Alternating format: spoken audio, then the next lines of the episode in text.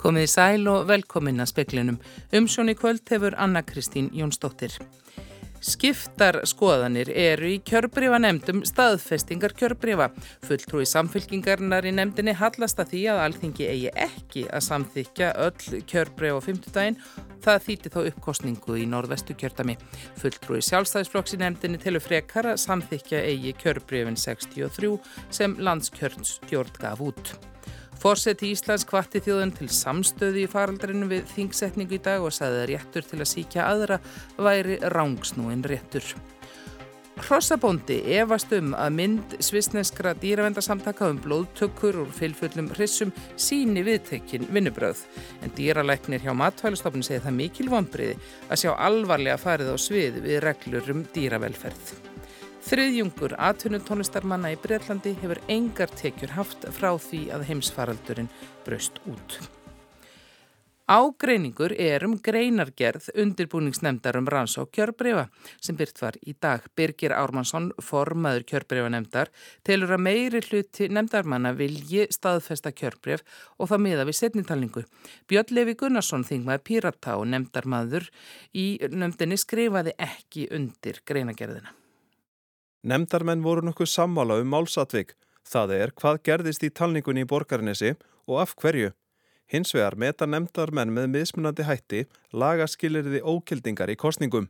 Sumir telja að gallarni séu þess eðlis að það beri að ókilda kostninguna í norðvestu kjötami en aðrir eru annara skoðunar og telja að beri að staðfesta 63 kjörbref og uh, mér sínist að það sé skýr meiri hluti í nefndinni fyrir staðfestingu allra kjörbrefana megin sjónamiðin sem hafa komið fram hafa annars vegar gengið út á það að e, það beri að staðfesta e, kjörbref 63 þingmanna þar á meðal kjörbref norvestur þingmanna og e, jöfnunumanna vegna þess að það hafi ekki komið fram neinar forsendur til þess að ætla að e, e, þeir gallar sem vissulega voru fyrir hendi hafi haft áhrif og úslit kostningana.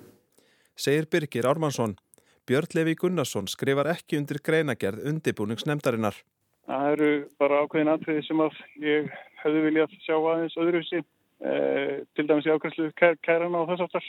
Tilluguna síðan að lokum koma síðan bara fram í, í nefndaráði eh, köplega nefnda manna. Það eru yngar tillugur í þessari greinagerð, af hverju ekki? Því að eh, það eru runni fleiri heldur en svona var reynd að vinna með. Það var reynd að vinna með það að það erði annarkot eh, byggt á setningalningunni eða uppkostning. Það kom fram sjónarmiðum að það þurfti mögulega að vera fleiri, fleiri tilugur sem að þingir taka afstöðu af og þá þóttu bara einfaldara að, að láta það í hendur nefndar manna að gerða nefndar að koma fram með þær tilugur. Líklegt er að nokkur nefndarálit lítið dagsins ljós þegar atkvæðagreislan fer fram á fymtudag. Bjarni Rúnarsson tók pistilinn saman en það var Anna Lilja Þóristóttir sem rætti við Björn Levi Gunnarsson. Síðar í speklinum verður rætt áfram um þetta við Þórunni Sveinbjarnandóttur og Diljá Mist Einarstóttur.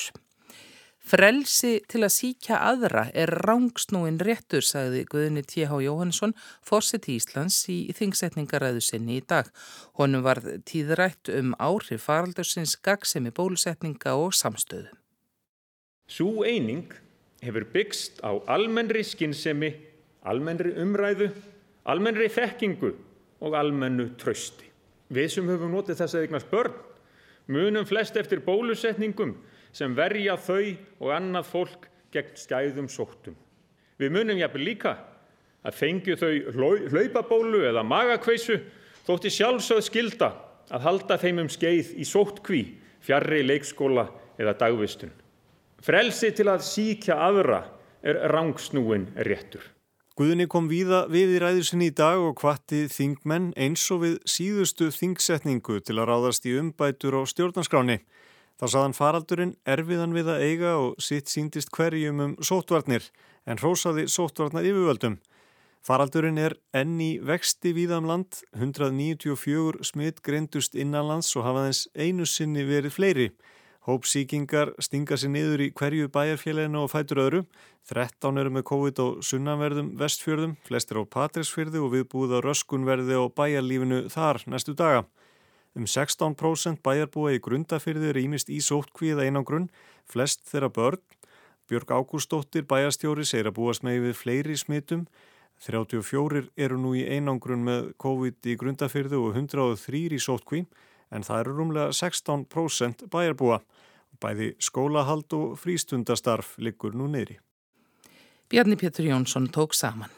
Sérfræðingur í hegðun Hrossa segir að taka þurfi áráðurs myndbandi eins og svisnesk dýravendunar samtök gerðum blóðtökur úr fylfullum hrissu með fyrirvara.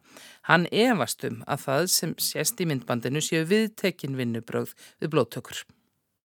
Magnús Lárusson bóndi í Holtsmúla og sérfræðingur í hegðun Rossa segir myndbandi til þess gert að draga fram eins ljóta mynd af blóðtökum hrissa og hægt sé og það hafi dýravenduna samtökunum tekist. Ég er ekki að mæla, að mæla þessu bót sko síðan en svo. Þannig að það verður að gera mjög margt í því að láta þetta líta út miklu betur heldur en eh, byrkistöðunsverið mynd og, og ég vil ekki trúa því að með þá sem ég þekki sem er í þessu marga hverja að, að þeir séu að stunda þetta svona.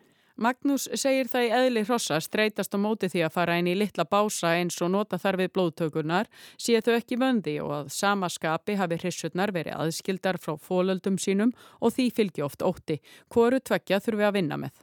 Þannig að undirbúningur við það að fara inn í réttina þar sem uh, meirarnar eru skildar, hver meiri skilin frá er svona meiri rólehettunum, er hrissurnar læra þetta til dæðu fljótt flestar og þeir eru bara að fara svona hver af hættur annari. Þetta er svona eins og COVID-röð upp í lögdagsvöld sko. Magnús segist hafa talað gegn því í mörg ára og unni sem er hrætt hross því þá reynir þau stöðut að koma sér úr aðstæðum. Það sé til dæmis líkilatrið í tamningum og með réttum aðferðum sé hægt að venja hross við hvað sem er. Hún byggist á því sko að sko, til þess að geta kent þá þarf að vera svona ákveði tröst og virðing. Þannig að þeim líði þokkala með manni, sé ekki alltaf að hugsa um að fara frá manni sagði Magnús Lárusson, Hjördís Röð Sigurjónsdóttir talaði við hann. Sigurriður Björnsdóttir, dýralæknir hrossasjúkdóma hjá matfælastofnun, er slegin og segir það mikil vonbriði að sjá hversu alvarlega sé farið á svig við reglugerðum dýravelferð í myndinu um blóðtöku fylfullra meira. Máli sé í rannsókn og verði vísa til lögreglu ef svo ber undir en reynd hafi verið að sinna eftirliti eftir fremsta megni. Að það sé komið í ljós að samt sem áður sé uh, alvarlega frávik að eiga sér staðna. Það eru auðvitað mikil vanbriði. Við förum á að segja á hvert, hverja starfstöð sem heldur blóttökur hrissur svona cirka annarkvert ár. Við reynum náttúrulega uppfylla rannsóknarskilduna og rannsaka vel og, uh, og taka svo ákvörðun út frá því og ég er ekki tilbúin til þess að kvöp þann dóm núna. Sagði Sigriður Björnsdóttir.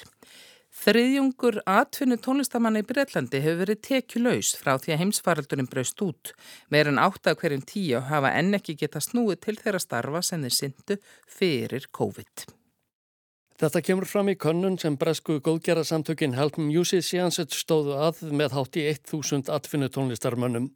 Þar segjast nýju að hverjum tíu hafa innan við 1000 sterlingspundi í launa á mánuði um það byl 177.000 krónur. 1% hefur yfir 2500 pund í mánadarlaun, rúmlega 440.000 krónur.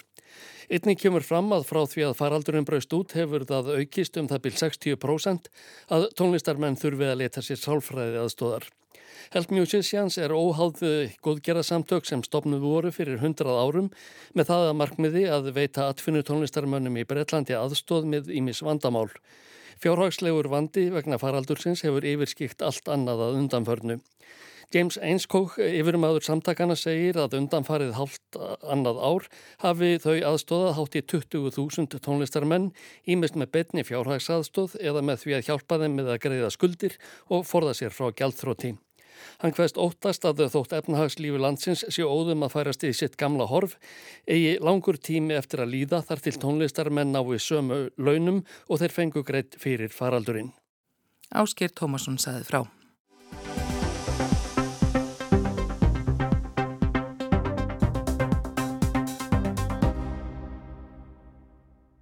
Nemndin með langanafnið, undirbúningsnemnd fyrir rannsókn kjörbrefa, laug sínum störfum í dag. Hún hjælt á fjóraðatug funda frá því hún kom fyrst saman fjórað oktober. Nemndarmenn skipta nú um hatt því við þingsetning í dag var kosin kjörbrefa nemnd. Í henni sitja þeir sömu og voru í undirbúningsnemndinni. Aðalverkefnið eins og rækileg hefur komið fram var að skoða framkvæmt kostninga og talningar í norðvestur kjördami. Í greinargerð nemndarna sem byrti síðdeis þar að segja undirbúningsnemndarnar segir að alvar verulegur annmarki hafi verið á vörslu kjörgagna reyni þá á hvort það hafi haft áhrif á það að við setnitalningu urðu umtalsverða breytingar á atkvæðatölum frambóða sem svo hafiði áhrif á jöfnunasvæti en ekki hveðið afdráttarlausar að orði en það. Diljómi Steinastóttir sjálfstæðisflokki og Þórun Sveinbjörndóttir samfélkingu. Það er sátt í undirbúinsnefndinni og eru núna í kjörbreiðanemndinni. Fyrsti fundur kjörbreiðanemndarna var eftir þingsetningu í daginn. Var ekki kunstugt að hittast á fyrsta fundi nefndar eftir rúmlega 30 fundi með sama fólkinu? Jú, jú, það eru þetta svo litið kunstugt en það breytir ekki öllu þegar þetta er sami hópurinn og við erum áfram að vinna með sama verkefnið og munum hvað okkur fannst í gær allavega flest okkar. Þannig að, hérna, að við, það, það er bara eðlilegt framhald og, og þegar við fórum af stað í vinnuna í undirbúningsnefndinni þá var leið yfir því hvernig ætti að, að gera þetta hverjar veru heimildir nefndarinnar hvaða verklag hún notaði og hvaða vinnubröðum hún beitti og það var þess virði að gera það að því hún hefur starfað samkvæmt því og þess vegna getum við núna, eða höfum við í dag sem sagt aðfend og skilað greinargerð sem er þá komin inn til hinnar eiginlegu kjörbreifanendar. Dilja, minnst, það var samt hefur eiginlega verið búist við að það eruði lagt, eruði lagaðar fram tillugur, beina tillugur um það sem að þingmenn gæti svo eða þingheimur gæti svo skoðað. Það var horfið frá því. Já, það, það plagg sem að núna likur fyrir og, hérna, og við vonum stöðta til að sem flestir kynni sér eh, en það hefur verið vanda mjög til, til verka. Eh, það er sérsagt greinagerð og lýsir starfi nefndarinnar og málsátekum og sem að mikill einhver hefur verið um í nefndinni og síðan eh, verður það svo leiðis að, að hérna, eh, eftir því sem að hérna, álitin skiptast í nefndinni þá munum koma fram á, á allara næstu dögum, morgun eða hinn, eh, álit. Nú hefur komið fram aðeins fyrir hér dag að eh, einn nefndamanna miskusti, hann ætlar ekki að skrifa undir þessa greinagerð, eh, Björn Levi, það er svona, það var alltaf vitað, það var mikil einhugur og mikil talað um góða fundi lengi framann af ennum líka auðvitað alveg óljóst, nei alveg augljóst að skoðanir nefndamanna voru skiptar á því hver væri besta lustin og það er kannski það sem núna er komið að því. Já, sko, skoðanir nefnda manna á verkefninu, á, atvikunum og, og aðdrandunum og hérna þeim göllum sem að uh, sannarlega voru upp við, við frangat þessar kostninga. Það var bara mikil, mikil samstað um, um þá framvindu og uh, nefndin var mjög samstíga í þeirri vinnu og ég var ekki vörð við hana allan tíman. Þess að 34 fundi heldur en að það væri bara, við varum mjög samstíga. En ef þið öll, alveg sammála um allt, þá hefur við vantilega lagt fram eina tilög. Já, það eru þetta þannig að það fór að koma í ljós þegar við vorum komin þangað í vinnunni og, og það var alls ekki þannig strax að því að sem betur fer að þá nálguðust fulltrúir í nefndinni vinnuna þannig að gefa sér ekki fyrirfram hvað þeim fyndist eða hvað þau heldu.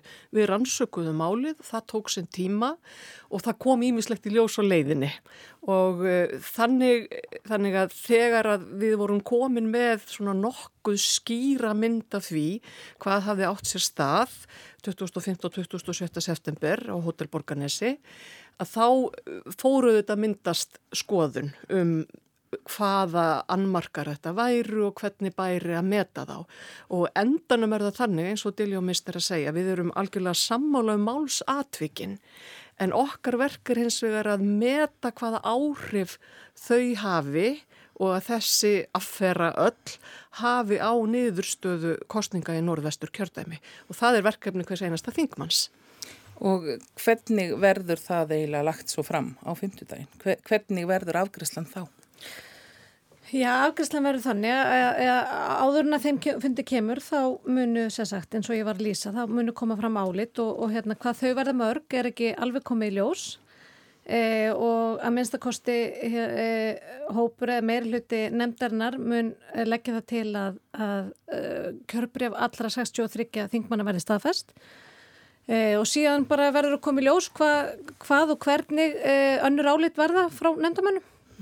Og það, það, er sem, það er komið í ljós líka búið að segja það ofinberlega að það eru uppi aðalega tvær skoðanir í nefndinni og það er svo sem að Diljó var að lýsa að samþykja öll 63 kjörbrefin og hinn að samþykja hluta þeirra þannig að þau sem veru þá ógilt eða ekki samþykt eru þá farað þá aftur til landskjörstjórnar og þá myndi hefjast ferli uppkostningar. Og það eru þá uh, kjörbref uh, Þingmann Norrvestu kjördamis og, og þá allara jöfnunar. Já, og allara jöfnunar sæta. Þannig að það er, það er þá 47 annars vegar og svo 16 hins vegar. Og þetta er, þetta er náttúrulega stóra bitbenni, þetta er búið að vera samt kannski stóra verkefni eða vafin í kringum þetta, til ég frá upphæði. Já, eins og, eins og Þórum var að lýsa hérna áðan, þá er svona álita efnið eða rannsóknarefnið er auðvitað líku fyrir en síðan er það hefur eh, eftir því sem að uh, vinnunni einhvern veginn miðað áfram að þá fóru svona nefndamenn að skipta sér upp í flokka eftir því hvað, fann, hvað, fannst, hvað viðbröðum fannst vera viðeigandi og þá sangvann lögum og í rauninni er þetta bara tólkun á lögum sem að þarna nefndamenn greinir áum En þetta er náttúrulega í höndum, en það hefur líka eiginlega komið fram að það er ekkert endilega alveg klár pólitísk lína eða flokkslína í þessu. Nei, það er ekkert endilega og auðvitað er það svo að, að þingmenn síðan auðvitað kjósa bara eftir sinni samfæringu en ber auðvitað að fara eftir lögum. Finnst ykkur að þeir sem að, þetta varða kannski hvað mest, þeir sem hafa þegar fengið, fengið kjörbref sem að í annari tillögunni eru, hérna, eru, eru ekki gild að þeir eru að taka þátt í atkvæðagreyslu? Ég er þeirra skoðunar að þau eigi að taka þátt í atkvæðagreislunni en það eru í henni eru þetta þrýr kostir, það eru já og nei og greiðir ekki atkvæði. Hvað þau gera nákvæmlega verður þau að gera upp við sig sjálf og, og það það bara hver og einn að, að meta og þetta er, þetta er snúin staða og hún er líka viðkvæm og hún er líka þannig allavega hjá okkur þar sem að við eigum í þingflokkunum þar sem við eigum fólk sem að datt út og kom inn þá er þetta pólitíst sko erfið staða fyrir einstaklinga. En það sem að þó hefur tekist í þessu ferli er að rannsaka það eins mikið og hægt var og að við höfum náð utanum verkefnið en það tekur enginn frá þingmunum það verkefni að meta hvaða kjörbreyf séu gild og hver ekki. Hvað finnst þér til, já?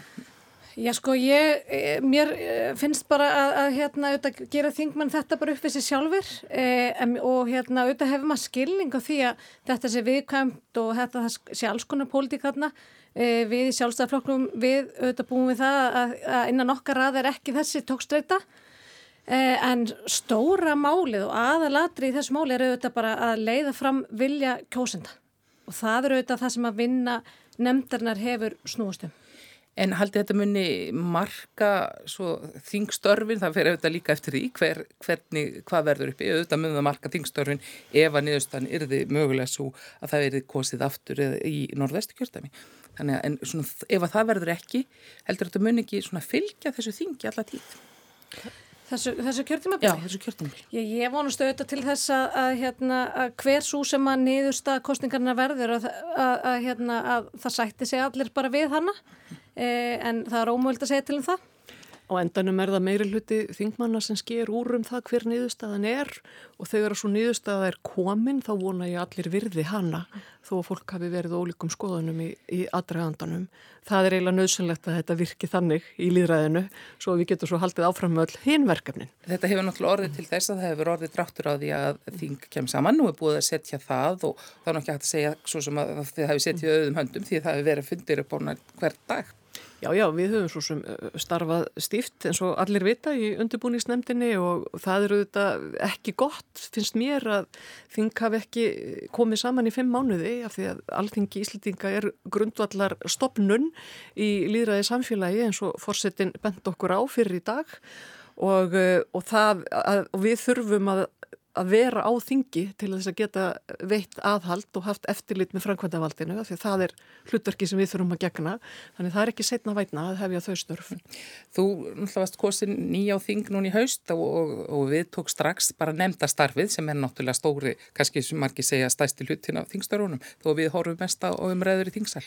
Já, þetta hefur verið alveg óbúslega lærdomsíkt að fá að taka þátt í þessu, þessari vinnu nefndarinnar og sérstaklega bara hérna einhvern veginn af því að þessi vinna hefur verið svo góð, hún hefur verið svo vönduð og það hefur svo verið svo hérna, mikill einhver í nefndinni bara um að vinna þetta vel og einhvern veginn skila þessu verkefni vel af sér og, hérna, og fara alveg óbúslega gungjöfulega yfir þetta og þannig ég er bara mjög stolt að þessari vinnu nefndarinnar og hérna þessu góða samstarfi þingmanna. Eru þið tilbúin að segja hvað þið ykkur sínist best, best í stöðunni, hvað er um sig, Diljó? Já, ég segi það fyrir mitt leiti að, að, ég, að, að mínu mati eftir alla þessa vinnu og allan þennan tíma þá eh, tel ég ekki að þó, þó að kostningin framkvæmdinn hafi vissulega verið gölluð, haldin ágöllum og ymsum anmörkum, þá tel ég ekki að þeir anmarkar og þeir gallar hafi haft áhrif á niðurstu kostningana.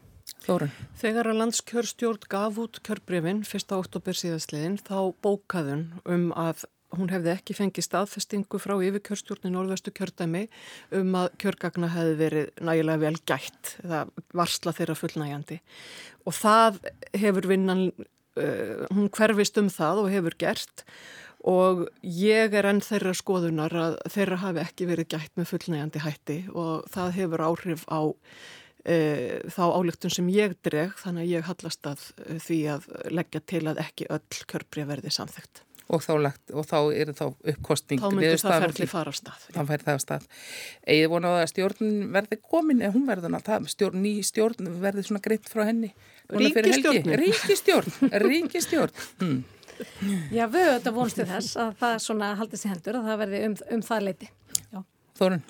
Já, já, ég meina, nógan tíma hafa þau nú haft. Uh, það þrýegi til þess að, að mynda nýtt ráðunæti og, og skrifa stjórnarsáttmála og skipta verkum en svo veit ég nú ekki hvort allt er satt sem að stendur í fjölmjölum en mér skilst að þau séu ekki ennþá búin. En við höfum nú fullan skilning á því að fólk vandir til verka og takja tveim tíma, sko.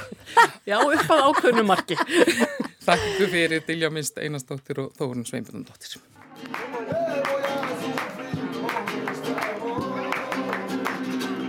Hörmungar borgarastriðsins á Spáni 1936 til 1939 og í kjölfarið valda tíð fasista undir stjórn Frankós allt til ársins 1975 hafa þjakað spænsku þjóðina æg síðan, í raun klofiðana. Fjölskyldur hafa tvístrast og það hefur einst spánverjum þrautinn þingri að takast á við þessa fortíð, tala um hana og gera hann upp.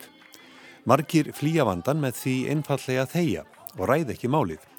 En með reglulegu millibili koma upp mál á spáni sem ítafi fólki, deilur rýsa og djúb sár ívast upp.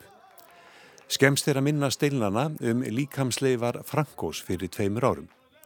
Frankó létt sjálfur reysa minnisvarða um þá sem fjallu í borgarastríðinu um halva miljón manna í Dalhinnaföllnu í Madrid. Lík hans var síðan grafið þegar hann fjall frá. Afkomundir þeirra sem börðus gegn fasistarhefingu Frankós voru mjög ósáttir við að hann kvildi við hlið þeirra og spænska þingið samþýtti að líkamsleifarnar yrðu fluttar. Því minnisvarðin hafi verið hálgert helgi skrín þeirra sem sakna einræðis stjórnarinnar. Afkomundir Frankós og fylgismenn voru mjög ósáttir við flutningin og um þetta sköpuðust hardar deilur. Og nú er enn eitt málið komið upp sem sínir hversu klófin spænska þjóðin er og hversu þungt afleiðingar borgarastilsins og einræði stjórnarfasista kvílir á þjóðinni. Þrátt fyrir að 46 ár séu líðin frá því að valda tíð þeirra laug. Guardian og Euroweekly News greina frá þessu. Deilurna núna snúast um listaverk, götulistaverk í Madrid eftir kunnan spænskan myndlistarmann Matteo Mattie að nafni. Eigendur íbúðarhús sem stendur á götuhorni einu í austurlutaborgarnar gáði Mattie frjálsar hendur til að nota veggi húsins til lisköpunar fyrir tæpu ári síðan. Hann sett upp 24 skildi með tilbúnum götuheitum á sinnkvort vekkin. Á vinstri vegnum voru skildi með götuheitum sem kent voru við ljóðskáld og réttöfunda á borð við Federico García Lorca Mikael Hernández, Viktoríu Kent og Carmen Laforet, allt fólk sem tók eindregna afstöðu gegn fascisma. Á hægri vegnum voru hins vegar skildi með göduheitum kent við Franko sjálfan og bandamenn hans, eins og hersöðingina Emilio Mola og Hósi Milán Astrei. Auk þess setti Mattie upp tvo myndakóða sem vegfærendur gáttu skannaðinn á farsíma og fengi nánar upplýsingar um æfi og lífsferil þeirra 48 persóna sem þarna koma við sögu. Draumur listamannsins, Matei Mattie, með verkinu var að skapa vitrænar umræður um nútíma samfélag og þjóðurninsykju. Verki hefur nú staðið upp í 11 mánuði og Mattie segi ljóst að ætlunaverkið hafi mistekist. Tilgangurinn var að sjá hvort að líðræðið væri orðið það þroskað að við getum talað um þessa sögu okkar, segir Mattie, en svarið virðist vera nei. Fyrir það fyrsta fekk listaverkið ekki að vera í friði. Það var krótað og málaði við skiltin og alls konar skilaðbóð skrifið á vekkina. Íbúar í húsinu, sem kom ekki nálagt gerðverksins, urðu fyrir aðkasti. Borgarstjórnin í Madrid, en hægri flokkurinn PP, líðflokkurinn er í meiri hluta þar, hefur ákveðið að fjallæga verkið á þeim forsendum að það hafi skapað óróa, ekki aðeins pólitískan, heldur hafi götu heitinn á skildónum rugglað vegfærendur í rýminu. Listamæðurinn Matei Matí segir að líðræðis umræðu hafi farið aftur á spáni frá því að efnahanskreppan reyði við landið árið 2008. Kreppan kvekti eld, pólitískan óróleika og almenna heift í samfélaginu sem óforskamaðir pólitíkusar ist á litrói stjórnmáluna begja vegna hafi nýtt sér á atkvæða viðum. Afleðingin sé svo og oft sé erfitt að halda uppi vitrænum samfélagsumræðum. Eitt dæmi ennum skugga borgarastýriðsins og einræðistímans og hversu erfitt reynist að gera hann upp á spáni er lagafrumvarp sem samsteipu stjórn sósialista hyggst leggja fram. Það er kveðið á um að saksóknurum sé heimilt að rannsaka myndaglæpi sem framtir voru í skjóli og að valdatíma Frankos. Fórista líðflokksins, stærsta stjórnarnanstöðuflokksins, hefur hins vegar heitið því að koma í vekk fyrir að lögin taki gildi og saka vinstri stjórnina um að tvístra þjóðinni. Líðflokkurinn segir að með nýju lögunum yrðu lögum sakur uppgjöf frá 1997 einskís fyrði, en þau hafi verið grundvöllurinn að því að spátn komst á líðræðisbraut á 8. áratug síðustu aldar. Sakar uppgjöfslögin kváðu áum að anstæðingar Frankós væru listir úr haldi og útlægir spánverjar fengi að snúa heim. Jafnframt var fylgismönnum Frankós gefin trygging fyrir því að þeir eruð ekki sóttir til saka. Talsmenn vinstri stjórnarinnar nú segja hins vera ekki sé hægt að gefa neitt afslátt af glæpum gegn mannkinni, stríðsglæpum, þjóðarmorði og pyntingum. Alþjóðleg mannreitndalög leif ekki slikt. Og þessi ágreiningur og óbrúanlega gjá endur speiklast í deilónum um listaverk Matei Matei á húsinu á götuhorninu í austurluta Madrítar. Þetta er mjög sorglegt, segir Mathieu. Ég var barn þegar umskiptin urðu við fall Frankós en mér finnst núna við vera ganga í gegnum mun afturhaldsamari, umburðarlausari og óbilgjarnari skeið en fyrir kynslu. Það verður norðan hvasviðir eða stormur, sent í kvöld og nótt og hríðum landið norðanvert. Fleiri er ekki speklinum í kvöld, tæknum að það var Jón Þór Helgason, veriði sæl.